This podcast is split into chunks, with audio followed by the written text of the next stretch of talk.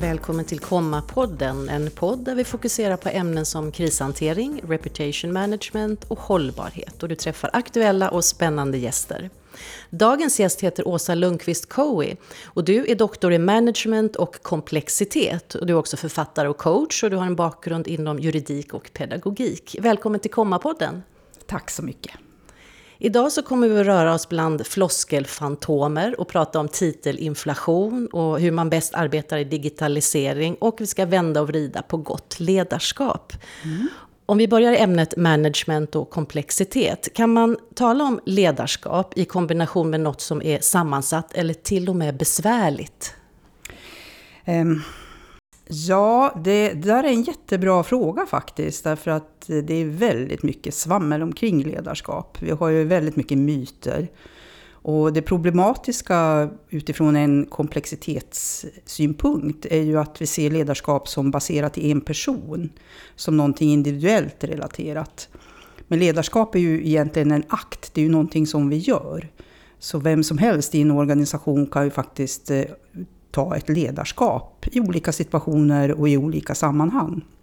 Så det är egentligen inte baserat i en person. Chef är ju någonting annat, det är ju ett företräde som man har kanske från organisationen. Eh, med vissa befogenheter som det innebär. Men leda kan vem som helst ha. Fast det förutsätter ju förstås följare. Så man kan ju inte sitta hemma och leda själv så att säga, utan man behöver någon att leda. Till och med om man har hund är det ledarskap faktiskt. Ja, det är sant. Mm. Du, du sa att det finns mycket myter och floskler. Mm. Det är ju det. Vi, vi, har ju, vi har ju en tendens till att ikonisera väldigt mycket. Så vi ser ju upp mycket till ledare som ja, men Jeff Bezos och Steve Jobs och alla de här eh, som vi hyllar väldigt mycket och tror gör någonting på egen hand. Men de sitter ju alla i sina sammanhang och sitter i maktrelationer precis som alla människor gör. Och är väldigt beroende av alla runt omkring dem alla har sin maktbas i en organisation och använder den på många oförutsägbara och motsägelsefulla sätt ibland. Vad gör det att det finns mycket floskler och, och um, myter?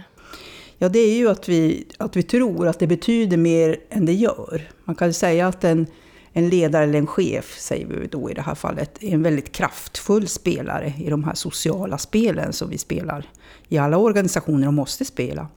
Eh, men hen är bara en spelare. Så hen har ju av den anledningen ett ganska begränsat inflytande förstås. Hen kan liksom bara göra det hen kan göra.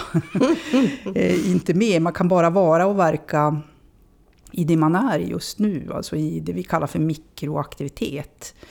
Jag kan liksom inte vara någon annanstans och göra någonting annat samtidigt just nu, utan jag gör det jag gör. Så därför så är ledarskap alltid lokalt. Det utspelas lokalt i små situationer i varje stund, i varje relation då som man finns i. Hur blev du intresserad av det här området? Ja, det var en slump kan man säga. Jag har ju jobbat som ledarskapsutvecklare under många, många år. Och av en slump så hamnade jag på en, på en konferens i Köpenhamn på den tiden. Det, det här är väl kanske 15 år sedan. Där det var väldigt många som, som föreläste omkring ledarskap. Det var professorer från olika business schools över hela världen. Och det var ingenting särskilt nytt då för min, för min del som har jobbat länge praktiskt med det här. Eh, och dessutom är vi en väldigt ängslig yrkesgrupp, vi konsulter. Eh, vi måste vara certifierade i precis allting. Så dyker upp något nytt, något nytt begrepp eller någonting sånt så upplever vi oftast att vi måste ha koll på det här på en gång och veta vad det här innebär för att inte bli left behind. Så det här var inget nytt som framgick på den här konferensen. Det var mycket receptbaserat, som det brukar vara. Tre enkla steg mot att bli en bra chef. Och sju sätt att hantera besvärliga människor och fem steg mot att få en väl fungerande arbetsgrupp och sånt där. Det är enkelheten som vi hela tiden söker. Följ bara de här sagda stegen så blir du frisk och lycklig och framgångsrik som ledare. Så det, var, det var inget nytt för min del. Eh, men det var en person som stod ut lite och han hade ett väldigt kort anslag egentligen då omkring komplexitet som jag gick och lyssnade på. Och han sågade då egentligen faktiskt allting jag hade gjort i 30 år och tyckte att det var väldigt mycket svammel vi höll på med. Jag blev väldigt provocerad av det här och väldigt arg och ledsen förstås. Men det slutade med att jag åt middag med honom på kvällen där på konferensen och då tyckte han, ja men kom och disputera för mig då, kom och doktorera i det här ämnet så får vi se om du fördjupar dig i det hela. Så jag sa ja, ungefär jag kommer på måndag. Sådär, att det här, jag kände att det fanns en, stor vit fläck på min karta. Eh, att det fanns ämnen som jag egentligen kanske inte hade ägnat så mycket tid och uppmärksamhet eh, när jag jobbade som ledarskapsutvecklare. För det fanns ju knöliga situationer. Så är det ju alltid när man jobbar med grupper. Så ibland så, och framförallt om det dyker upp konflikter, så är det ju så att vi vill spela ner dem, vi tonar ner dem. Nu ska vi alla vara vänner och komma framåt på något sätt, eller vi låtsas inte om dem. Så vi gör en massa olika saker för att det här inte ska liksom eskalera. Så att, eh, och det här tänk... var som en sten i min sko kan man säga lite. Jag tänker de här råden, handlar inte det om att man söker någon sorts tydlighet för att det är så otroligt mycket brus omkring oss, att man vill, vill hitta de där enkelheten? Ja, absolut, det är ju av den anledningen vi försöker förenkla. Det är ju, egentligen så är det ju för att dämpa vår ångest för det oförutsägbara. Komplexiteten är ju oförutsägbarhetens vetenskap. Eh, och det bygger ju, alltså den här existentiella ångesten som vi alla bär. Den här med att det som kallas för grundkänslans ovisshet, som man säger inom filosofin. Det här med att vi faktiskt inte vet vad som ska hända om en timme, det är oförutsägbart. Det är det som gör att vi söker olika medel för att dämpa den känslan lite grann. Det är därför vi vill ha koll. Vi försöker överplanera och det är därför vi har strategier i organisationer som egentligen är bara fantasier. Vi fantiserar ju tillsammans. Du menar att ledare idag har en övertro just på strategier och mål eh, och att om man styrs för mycket av det så kan man istället skapa oro i organisationen? Mm, precis så. Jo, man styrs ju, man använder sig av de här hjälpmedlen för att dämpa ångest och oro i organisationen, så de är ju nödvändiga av den anledningen, strategier. Samtidigt behöver man förstå dem för vad det är. För om jag tar till för mycket av det här med strategier och planering och verksamhetsplanering och, och liknande, så kan jag istället orsaka oro och ängslan bland medarbetare. På vilket sätt? Ja, anledningen till att jag tar till det är ju först och främst för att dämpa min egen oro och ångest. Eftersom jag måste åtminstone se ut som jag har koll när jag är chef. Även om jag förstår att jag inte riktigt kan ha det, så måste jag åtminstone verka som jag har kontroll. Och då blir det ju lätt att jag inte riktigt vet hur jag ska hantera när mina medarbetare blir oroliga. Och då är det lättare att, om de kommer och säger var är min arbetsbeskrivning och är ängsliga så är det lättare att hänvisa dem till intranätet. Ja men det ligger där, det är bara att gå in och läs. Därför att det sätter igång min egen oro. Jag tänker att det borde jag ha koll på kanske, vad som finns i hens arbetsbeskrivning, eller det borde jag förstå. Och när jag inte har det så hänvisar jag dem förstås naturligtvis till, till nätet för att hantera min egen oro samtidigt. Och då finns paradoxen där. Att går då medarbetaren in och faktiskt läser sin arbetsbeskrivning så står det ju saker där som man har glömt bort. Man kommer inte ihåg det och man minns så var det inte alls tydligt att jag var ansvarig för det här också och så vidare. Och då orsakar man oftast mer oro. Men vad, vad får du för reaktioner från ledningsgruppen när du beskriver det här och säger så? Ja, men de känner ju igen sig. Det är klart att folk gör det. Vi är ju människor allihopa och det är klart att man känner igen att, att man själv försöker prestera och göra så gott man kan men att man inte riktigt vet hur man ska göra ibland. Och det är det som gör att vi blir ängsliga. Men ett sätt att hantera just en sån situation är ju förstås att, att bara använda det som vi kan. Och det är att lita mycket mer på vår förmåga um, att hantera relationer, att vara i relationer. Att liksom faktiskt prata med varandra, att stanna i samtal mycket mer och ta reda på och berätta vad exakt är det du funderar över i arbetsbeskrivningen. Att försöka stanna i samtal, för det minskar oro och spänning hos oss. Inte liksom att man smackar på med en ny policy eller någonting sånt. Okej, stanna i samtal. Har du fler råd till ledare hur man ska ta sin organisation framåt i ett allt mer komplext organisationslandskap? Nu har vi de här enkla tipsen. Eh, ja, de enkla tipsen i det fallet är rekommendationer får vi säga då. Skulle vi vara, ja, först och främst att inte ha den här övertron på styrdokument och mål. Det, det, är ju också faktiskt så att eh, eh, de flesta grupper som fungerar bra har inte särskilt tydliga mål. Utan det är snarare så att de har förstått att det här är väldigt komplext. Så man försöker i samtal tillsammans sätta liksom någon form av riktning som man ska gå mot. Man, man finns, vågar vara och, och bära spänning mycket mer tillsammans. Man vågar vara i, det här, i ovissheten, att, att stanna i den och härbärgera den och inte försöka komma framåt så fort. Försöka ta sig fram mot någonting, vad det då är. Utan att faktiskt stanna i det här lite mäckiga och motsägelsefulla och samtala med varandra och se om det blir klarare när vi stannar i det hela. Det är ett sätt att minska oro och att komma framåt tillsammans. Finns det fler sätt? Nej, alltså, egentligen att ta väldigt mycket också av det som händer på allvar. Därför att man, om man ser um, att folk har, sitter och skruvar sig på stolarna, nu är det ju betydligt svårare att se en sån sak eh, på Zoom eller på Teams. Men om man känner varandra så märker man också mer om det finns höjda ögonbryn eller om det är någonting som, som stör en medarbetare. Och, och den känslan som du själv får när du ser på någon är ju något som vi behöver ta mer på allvar. Och inte då retirera direkt tillbaks till recepten att så här borde det inte vara. För det här med hur det borde vara, det är ju naturligtvis ett ideal. Och vi är ju extremt präglade i svenskt arbetsliv av till exempel nordamerikansk managementkultur. Som är ganska evangeliskt lagd, för det är ju en väldigt kraftfull förbättringsideologi som går ut på att du egentligen faktiskt inte duger som person, utan du ska ständigt förbättras. Du ska bli lite bättre och lite bättre och lite bättre. Det liksom blir en Åsa upphöjt till 2,0 och 3,0 och 4,0. Lite mer airbrushed och photoshopped liksom. För att duga i en organisation. Och det är klart att det här skapar ju väldigt mycket oro och ängslan. Så att mer eh, förstå att, att eh, vi, är, vi är mycket mer pragmatiska i vår tradition. Vi är ganska sekulära i vårt sätt att arbeta och funktionella. Vi försöker, ja men fungerar det här? Är det vettigt att, att eh, Leif inte kommer in och får ligga på ett rum på ett sjukhus på natten eftersom vi har policies som säger andra saker? Nej, då spelar vi systemet, säger man ibland medarbetare. Utan vi, vi får in Leif på något rum. Han måste få ligga. Det är bara vettigt att han får det. Så att eh, vi gör inte alltid som alla policies säger. Det är samma med lärare och med alla egentligen professioner. Ehm, när de utövar sin profession så använder de ju sitt omdöme. Och omdömet är ju ibland på kollisionskurs med policies och med olika styrsystem. Men om relationen är primär och uppgiften är sekundär, hur mm. kan man då som företag växa med den insikten? Um, genom att uh, förstå vad en organisation är först och främst. Alltså den är ju inte byggnader eller datorer eller bord och stolar, utan det, är ju mänsklig aktivitet. Det är ju relationer. En organisation är egentligen bara en stor, stor social arena kan man väl säga. Där vi på olika sätt relaterar till varandra med olikheter. Vi har olika ideologier som formar olika intentioner.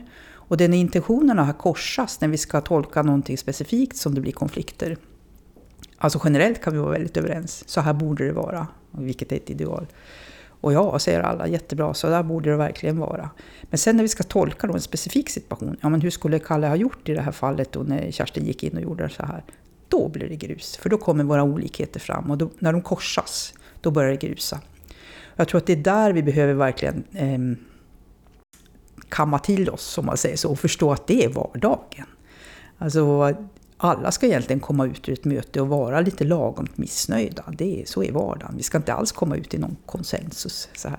så vi går med skygglappar i vardagen? Ja, det gör vi väldigt, väldigt mycket för att spela det här spelet. Därför att vi, vi är osäkra, vi är lite nervösa, vi är oerhört rädda för att åka ut ur spelet.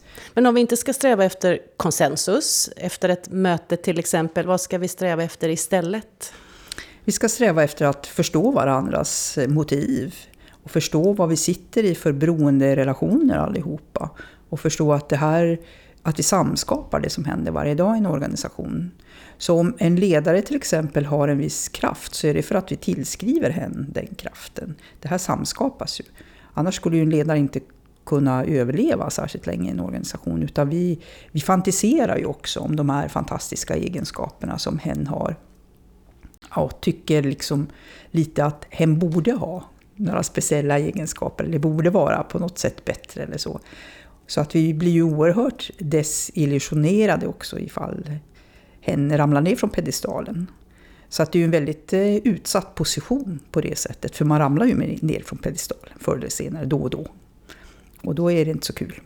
Hur påverkas den här maktbalansen av digitala möten? Är det svårt att uppfatta makt i digitala möten när vi inte kan se alla signaler? Mm, det är det, det är svårare. Samtidigt så, så sker det ju förskjutningar i makten av precis den anledningen. Eh, jag menar en, en riktig liksom alfahanne eh, på ett vanligt fysiskt möte kan ju bara i kraft kanske av sin storlek och sin, sin röst och annat eh, verkligen dominera en process eh, och eh, eh på så sätt utöva makt på ett sätt som gör alla andra ganska tysta. Men de kommer inte fram så bra på Zoom. Det är lite svårare där, så där kan också andra komma fram och andra med kanske också ljusare röster och man också fördelar ordet, man är lite mer noggrann med att alla kan komma fram och säga någonting i ett sånt möte som kanske annars inte skulle säga så mycket. Vad säger den nya forskningen om hur man arbetar bäst i digitalisering? Det finns massor med olika korsande forskning skulle jag vilja påstå idag. Eh, men gemensamt är väl ändå att man förstår att man kan liksom inte... Man, bygger, det uppstår en annan sorts kultur det, ju inte, blir ju inte samma sorts kultur som vi har när vi är på en fysisk arbetsplats. Utan det här blir ju, hybridkulturerna blir ju lite annorlunda självklart. Men exakt hur de kommer att bli, det vet vi ju inte än riktigt. Det kommer vi att se. Det är oklart än så länge hur det kommer att utspelas. Ska du forska vidare i det? ja, alltså man kommer ju in på det osökt på något sätt utifrån att eh, det handlar ju också om relationer. Um, men jag kan väl om jag spekulerar lite grann så skulle jag väl ändå... Vi behöver ju varann och vi behöver varandra fysiskt och vi behöver verkligen se varann också, de här små mikrorörelserna som, som ändå finns hos människor, som vi missar eh, via en skärm. Så att jag, jag kan föreställa mig att utifrån att jag menar, det är bara en enda person av fem statistiskt som vill gå tillbaka och jobba på det sättet som vi nu har varit vana vid. De flesta vill ju nu jobba hemifrån i ett par dagar i veckan i alla fall, om det är möjligt. Så jag tror att då kommer ju behovet av att träffas mer på, på andra sätt att bli större. Att vi måste åka iväg på en tre dagars konferens och liksom egentligen faktiskt bonda. Lära känna varandra och ha kul tillsammans och äta middag och sådana saker. Det tror jag blir viktigare. Tappar vi det här att, att eh, känna varandra när det går för lång tid mellan fysiska möten? Ja, det gör vi. Ehm, framförallt så, alltså vi har ju gamla bilder av varandra. Eh, så vi tillåter ju så att säga inte varandra att, att utvecklas. Ehm, jag menar, vi har kanske, om vi har någon fnurra på tråden med någon person för tio år sedan så föreställer vi oss den här personen på samma sätt som hen var för tio år sedan. Men om vi träffar dem nu och samtalar så ser vi ju att väldigt mycket har hänt med dem med på samma sätt som det har hänt med dig. Så att det händer ju väldigt mycket. Vid varje möte vi träffar någon så påverkas vi ju av dem och påverkar samtidigt. Påverkar och påverkas, påverkar. Vi formas ju socialt. Och det är, det, det är därför vi, man kan invända en del mot den här floden av självhjälpslitteratur hela tiden. Som, som det här med att du ska sitta hemma och träna dig till att tänka rätt och annat. Jag menar, tänkande uppstår socialt, vi formas av varandra, vi är oerhört beroende av andra människor. Alltså att bli isolerade. Jag klarar mig i isolering så länge som jag kan bära andras röster med mig inne, men de bleknar ganska fort och man blir prillig rätt fort. Så vi är radikalt sociala. Och det perspektivet tycker jag att vi har tappat en hel del. Men det är också för att ämnen som till exempel sociologi och socialpsykologi och annat inte är så stora i samhället generellt. De finns inte så mycket i TV4s soffor som ekonomi till exempel, eller statsvetenskap. Och de borde få en större plats på samhällsarenan.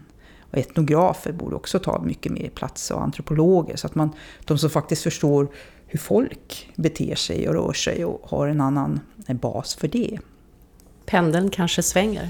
Förhoppningsvis.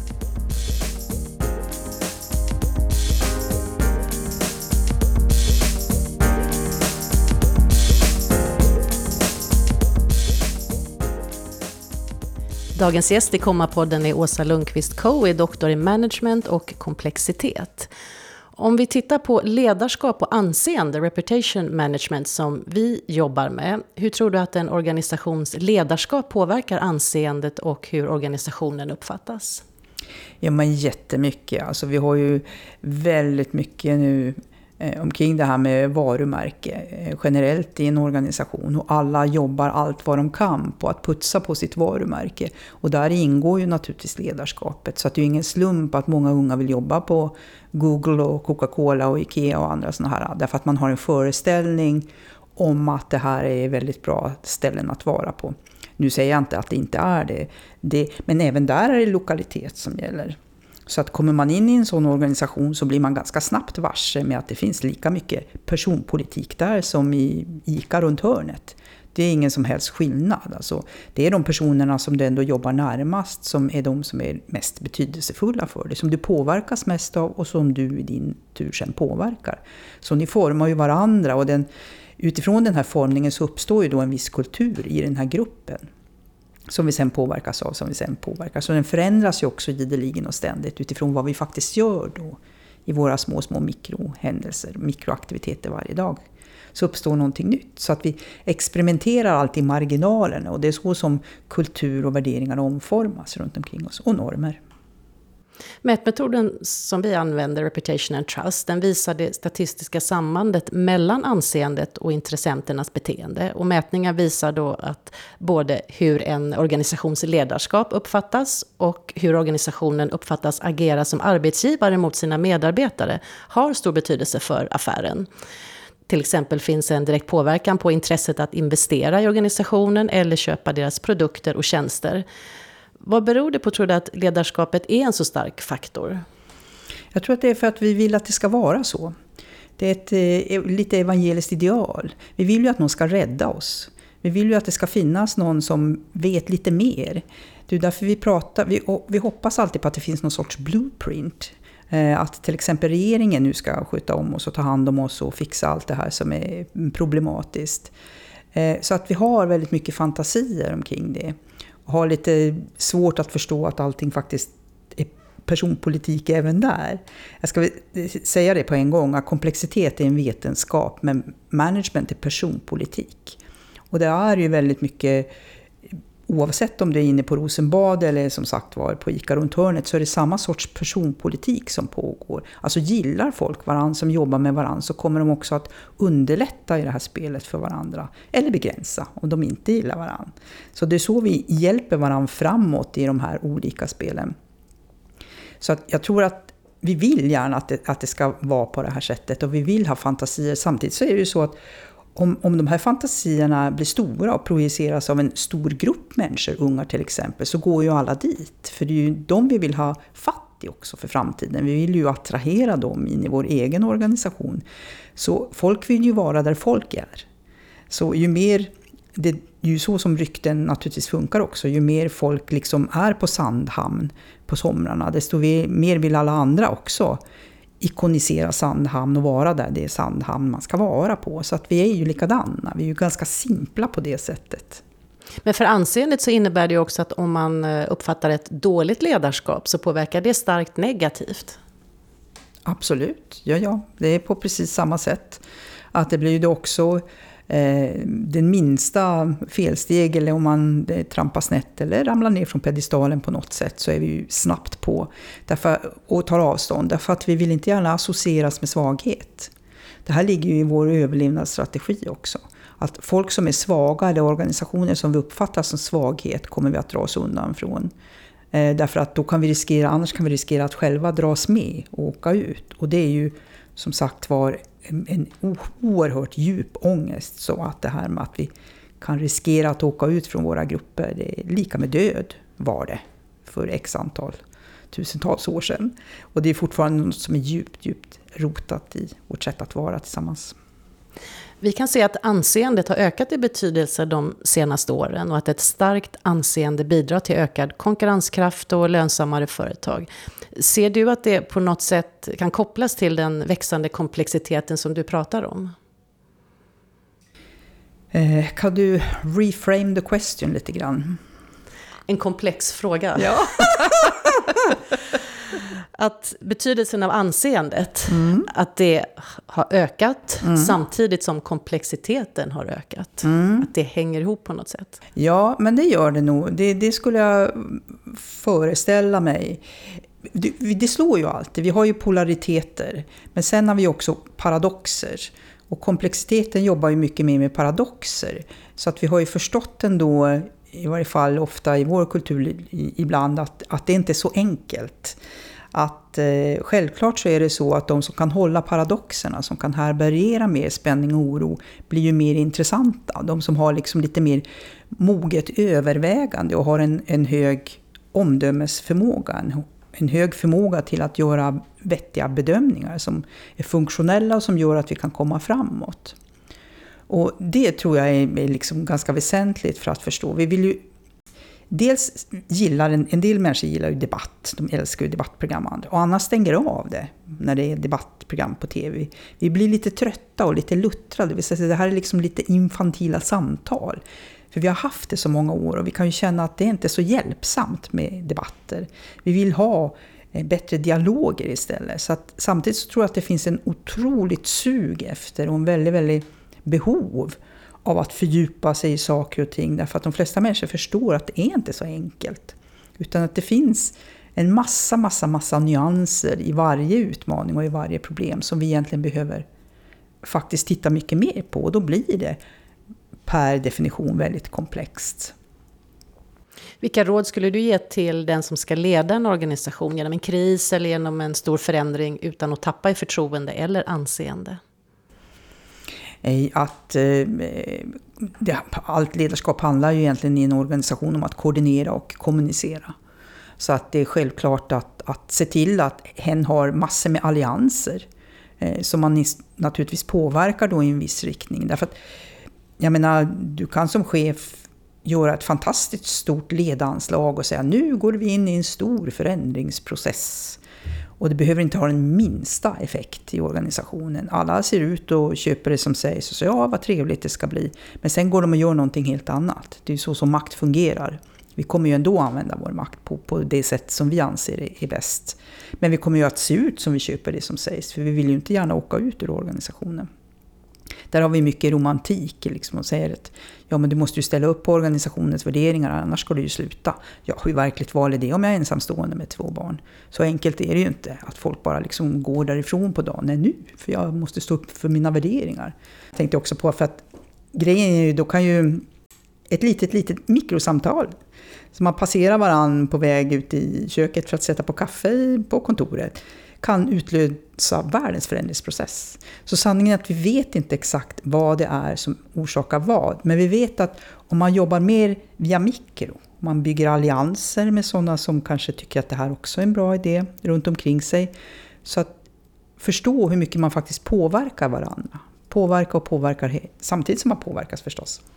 Så det blir lite, lite av att förstå det här sociala spelet. Att det är lite, det är därför vi pratar idag mycket om nudging och, och eh, lobbying förstås och eh, clustering och eh, ja, scrumming. Vi har en massa olika uttryck som egentligen är samma sak för påverkan, olika typer av påverkan. Om vi tittar på några trender i tiden som du har reagerat på. Floskelfantomer, vad är det? ja, jag vet inte om jag skulle använda precis det begreppet. Det finns mycket floskler, det gör det. Eh, om, omkring en massa saker. Och det är ju det är för att vi har en retorik i organisationer som vi upprätthåller gemensamt förstås. Och jag tänker bara på en stackare som ska skriva ett CV nu och söka ett jobb. Så känner ju alla att vad är det jag skriver?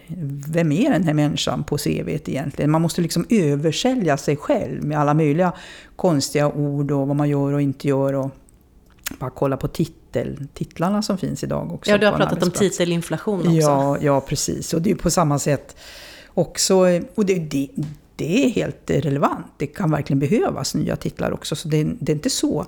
Men, men, till slut så kommer man ju också till en punkt man undrar, men vänta nu, liksom, vad är det här överhuvudtaget? Vad är det de gör på dagarna egentligen? Så jag tror att det här... Har du några exempel? nej, nej, nej, det finns så, så många. Alltså det är bara att kolla på LinkedIn. så finns det hur många intressanta titlar. Och så den här översäljningen i CV till exempel, att beskriva sig själv och vad man gör. Det skapar ju väldigt mycket oro hos den som ska göra det. Och oro som, som läser det också. Så att det eskalerar ju oron av den här överförsäljningen. Men alla gör det ju, så då måste ju alla göra det. Det är på samma sätt som alla organisationer också säger en sån retorisk sak. Vi ska bli bäst i Sverige. Vilket naturligtvis är lite floskler. Sådär. Eh, men utifrån att alla gör det så måste alla göra det. Eftersom vi är så beroende av varandra. Så att det är svårt att, att bryta ett sånt mönster också. En samvetsfråga, har du översålt dig någon gång? Oh ja! det är bara förnamnet. Men jag är ju en reformerad konsult numera. Jag menar, tidigare i mitt liv så, så sålde jag ju inte bara... Det är klart jag sålde mig själv också på sätt och vis. Det, ju, det gör man ju alltid. Men, men eh, mina program, alltså som man säljer och ledarskapsprogram och utbildningar och annat. Och, och ja, den typen av program, där är det ju bara bara en massa floskler. Hur vi, kan, och vi kommer att säkra att era chefer går ut ur den här utbildningen med, med de har det här och det här och det här och det här har de fått. Och det är ju naturligtvis svammel, för hur ska man kunna garantera det på något sätt? Men fortfarande så ser man mycket att, som kommer att säkra framgång. Och hur ska man kunna säkra det exakt? Så bara det här ordet med att man kan säkra saker och ting är ju i direkt motsats till vad man pratar om i komplexitet. Det finns ingenting som går att säkra, inte ens vädret. Jag menar, det är väldigt oförutsägbart. Och det är ju bara, ett, det är bara en retorik som vi bedriver. På samma sätt som vi säger väldigt mycket om hur det borde vara också i organisationen. Folk borde ju fatta det här. Alltså vad är det för fel på människor? De borde ju fatta att eh, det här, det har vi ju sagt 17 gånger. Och varför gör de det inte bara? Liksom. Och så gör de det inte. Hur tror du att eh, organisationslandskapet eller arbetslivet kommer att utvecklas framöver när det gäller komplexiteten? Ja, jag hoppas ju på att eh, man ska eh, våga stanna mer i situationer. Vi har ju en överdriven idé omkring det här med aktivitet. Att vi alla, vi sitter samman kanske i någon grupp, i någon ledningsgrupp och så gör vi såna här bullet points på ett blädderblock. Nu går vi ut och gör någonting. Att man liksom aktivt ska ta tag i någonting. Men jag tror att det är viktigt att komma ihåg att passivitet är också aktivitet. Att inte göra någonting är precis lika effektfullt som att göra någonting ibland. Så att jag tycker nog att man ska som ledare till exempel sitta mer på händerna. Att ge, ge tusan i att blanda sig allt för mycket i vad folk håller på med runt omkring. Utan koordinera istället de rörelser som mycket finns i en viss riktning då som man vill att, att organisationen ska röra sig i. Inte vara där och peta så mycket och inte liksom... Ska inte ledaren gå före? Nej, alltså... Nej, för rikt, ja, alltså med riktning är ju någonting som man skapar oftast gemensamt i en ledningsgrupp eller tillsammans med fler personer. Och då måste man ju ta in väldigt mycket information från de övriga som finns i organisationen, oavsett om det är ledningsgruppen eller andra grupper, för att förstå vilken riktning som kanske är bäst lämpad för oss just nu. För jag har ju inte koll på annat än, jag menar jag har ingen helhetssyn som ledare, det har ingen annan heller. Och där har vi också mycket svammel att nej men folk måste ju ha en mer helhetssyn, men vi kan ju inte ha någon helhetssyn. Gud möjligen kan ha helhetssyn, men som människa så ser vi ju bara det vi ser. Vi ser bara vår del, vi kan inte se helheten. Det är ingen som kan se det. Och dessutom förändras den hela tiden utifrån vad vi gör, så att den är ju ständigt dynamisk och föränderlig i det som uppstår. Det här som kallas för emergence på engelska. Det som uppstår hela tiden. Så att det finns ju, och vi har en tendens till att tänka fortfarande i termer av stabilt förändring, stabilt förändring, stabil förändring. Men det finns ju ingen stabilitet, utan det är ju ständig förändring. Så att det, man får alltid se sig som en paradox att vi alltid finns i stabil instabilitet eller instabil stabilitet, vilken man vill. Du har skrivit fem böcker, har du en ny bok på gång? Mm, det har jag. Eh, ska vi säga på en gång också att den senaste boken, den femte boken, Samspel och rävspel, ideal och verklighet på jobbet.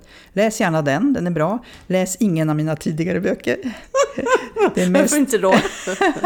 det är mycket evangeliskt trams. jag var ju ja, du är omvänd nu Ja, alltså. jag är omvänd. Jag är reformerad. Alltså, man får ju förstå, om man läser den med det filtret på så kan man ju läsa om hur påverkad jag var av eh, nordamerikansk management som egentligen uppstod på 50-talet och man förstår den kontexten den uppstod, att det kanske var fullt verksamt och så. Men sen kan man ju ifrågasätta hur mycket, hur pass funktionellt det är i svenskt arbetsliv och kontext och kultur just nu, idag. Det är ju en annan sak. Och skriver på en ny bok nu som ehm, kommer att heta eh, Ingen vill vara ett nyckeltal. Eh, och den kommer att vända sig till ledare och också in till HR. Jag skriver den tillsammans med, med tre kollegor. Med Kjell Lindström, Magnus Dalsvall och Marie Hallander Larsson. Eh, så att den kommer att komma ut nu faktiskt i höst. Det blir en eh, artikelsamling från, baserad på våra olika erfarenheter omkring det här med galenheten i mätbarheten som har eskalerat så otroligt mycket de senaste åren och hur man kan tänka omkring det. Ja, då får vi hålla utkik efter den. Sen blir det en bok om makt också. Den är också på G. För det är otroligt underforskat faktiskt, makt tycker jag. Och hur det, det förstås nästan bara som härskartekniker. Och jag tycker att det är viktigt att bredda det begreppet och förstå att vi alla utövar makt varje dag i alla situationer. Har du börjat på den boken? Ja, det har jag. Till sist, Åsa, vad ska du göra i sommar? Oh, I sommar ska jag vara på ett sommarställe ute i Stockholms skärgård och så ska jag åka båt förstås med familjen. Det är i huvudsak det jag kommer att göra. Inte skriva så mycket? Jo, det blir det alltid. lite skrivande blir det också. Jag jobbar lite grann sådär också till och från på sommaren. Jag har ju en del personliga coachningar som eh, jag kör och en del av dem vill gärna träffas och köra lite grann på sommaren också för att eh, ha kanske en viss beredskap inför hösten när allting kanske drar igång lite mer fysiskt också. Så de kommer jag också, sådana kommer jag att träffa några också. Tack så mycket Åsa Lundqvist Coe, doktor i management och komplexitet, för att du gästade Komma-podden och gjorde ledarskap lite mindre komplext. Tack så hemskt mycket.